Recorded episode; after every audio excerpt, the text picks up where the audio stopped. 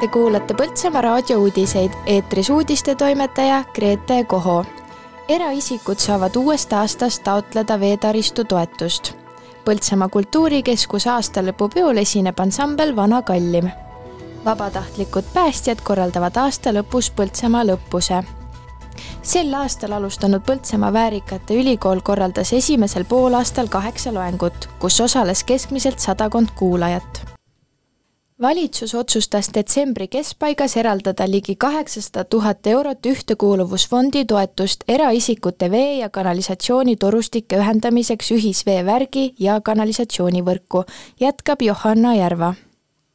Viimase paarikümne aasta jooksul tehtud investeeringute tulemusena on Eesti ühisveevärgiga ühendatud kaheksakümmend neli protsenti ning ühiskanalisatsiooniga kaheksakümmend kaks protsenti elanikkonnast keskkonnainvesteeringute Keskuse elurikkuse ja kliimavaldkonna juhi Kai Ensbergi sõnul saab jaanuaris avatavas voorus vastu võtta veel umbes kolmsada taotlust. toetust antakse reovee kogumisaladel elamu ühendamiseks ühisveevärgi ja kanalisatsiooniga või kogumismahuti rajamiseks või ümberehitamiseks, omapuhasti rajamiseks ja ümberehitamiseks Põltsamaa kultuurikeskuses tähistatakse aastalõppu kolmekümnendal detsembril algusega kell kakskümmend null null üritusel esineb tüdrukute bänd The Wavy Sensation ja tantsuks mängib ansambel Vana Kallim.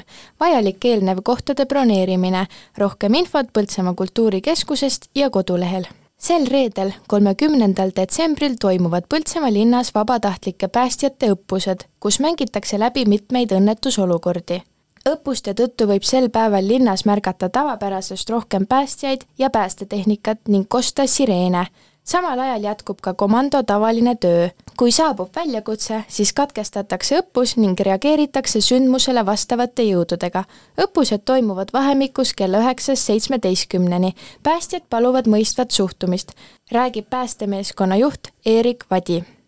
et äh, aga noh, selles mõttes, et ega päästetöö jätkub ikkagi, kui on päris sündmus, me räägime päris sündmusele ja see ongi lihtsalt õppe eesmärgil ja ja alati võib tulla ja küsida, kui mingeid tänaval mingeid küsimusi tekib inimestel sel päeval sellega seoses.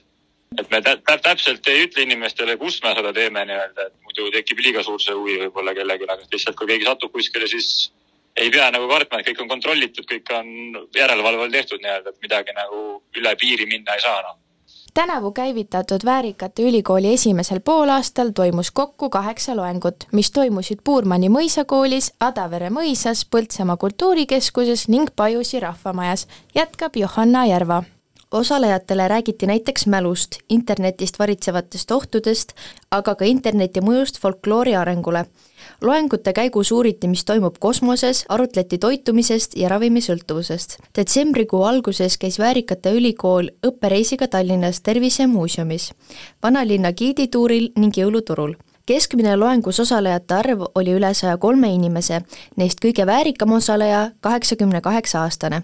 täpsem info programmi ja toimumisaegade osas on leitav Põltsamaa valla kodulehelt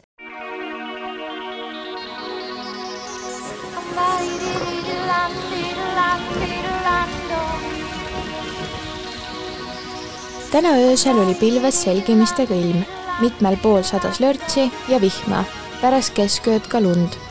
Hommikul saju võimalus vähenes ja taevas selgines, märjad teepinnad jäätuvad. tänapäeval on vähese ja vahelduva pilvisusega peamiselt sajuta ilm. õhtul läheb Edela-Eestis pilve ning merelt jõuab uus sajuala. puhub läänekaare tuul neli kuni kümme, rannikul puhanguti kuni kolmteist meetrit sekundis. õhtul pöördub lõunakaarde ja nõrgeneb õhutemperatuur on miinus neljast pluss ühe kraadini. teedel on kiilas jää. Saaremaal on päeval kolm sooja kraadi, Tallinnas null, Võrus, Tartus, Viljandis ja Põltsamaal üks külmakraad